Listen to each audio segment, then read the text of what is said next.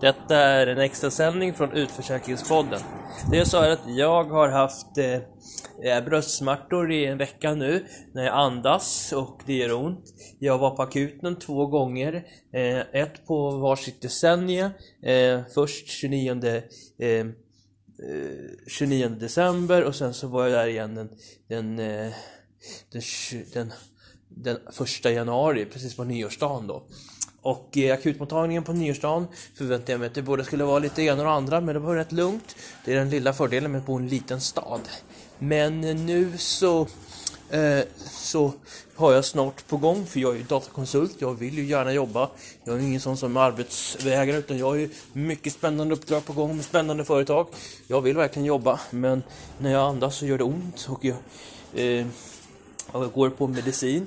Och eh, jag är inte den som fuskar i första hand, snarare tvärtom. För jag tänkte jag skulle söka sjukpenning nu de här tre dagarna som jag nu har varit borta här då. Men jag kände att med tanke på hur staten beter sig mot oss sjuka så kände jag att nej, det är ingen idé att ens ansöka för jag vill, jag vill inte bli stressad av det heller för då går mitt bröst ännu mer sönder. Så är det.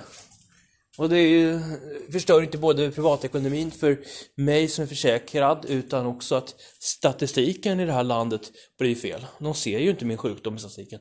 Vilket gör också att man inte heller kan forska på området. Så det blir inte bara för mig personligen skada utan det blir ju även fel i samhället när inte sjukdagar blir registrerade.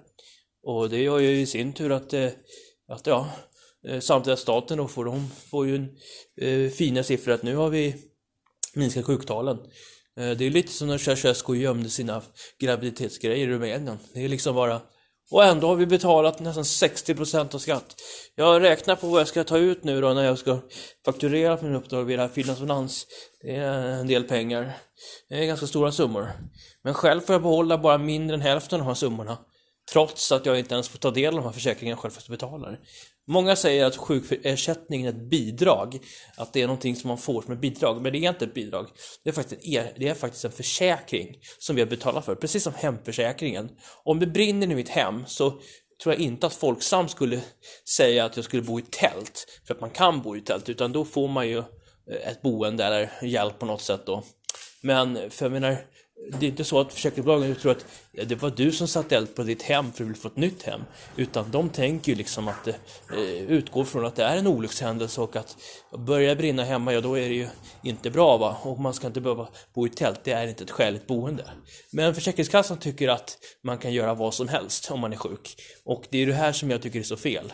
Och nu när som jag då i det här fallet då väljer att inte ens ansöka om sjukpenning för att jag känner att det finns inte någon vad heter det, möjlighet att så att säga få ersättning känner jag. Alltså, då gör ju det också att tilltron till systemet försvinner.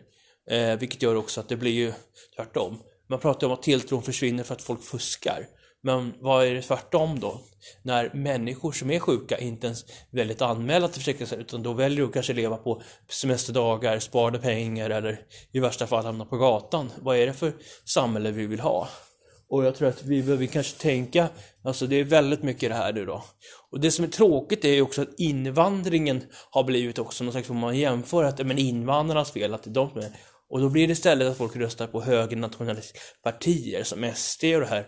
Och SD, de är ju inte heller egentligen månadsjuka, så där får vi liksom som en slags ond cirkel egentligen. Att, och det är inte bra heller, liksom när invandringen då blir en slags eh, syndabock för att vi inte har råd med sjukpenning i Sverige. Så att jag tror att vi behöver en sansad debatt. Och det är det som är lite synd med sociala medier, därför att det är ju, kommer inlägg hela tiden om det här, då skriver folk att liksom det är invandrarnas fel, att det är de som kostar pengar och, och sådär. Men det här är ett delat problem. Det, är, det har inte med invandring utan det har med politiker som har en väldigt, väldigt udda och gammal, gam, ålderdomlig syn på människor och arbete. Att eh, det är lite som, kan du inte arbeta ska du inte äta.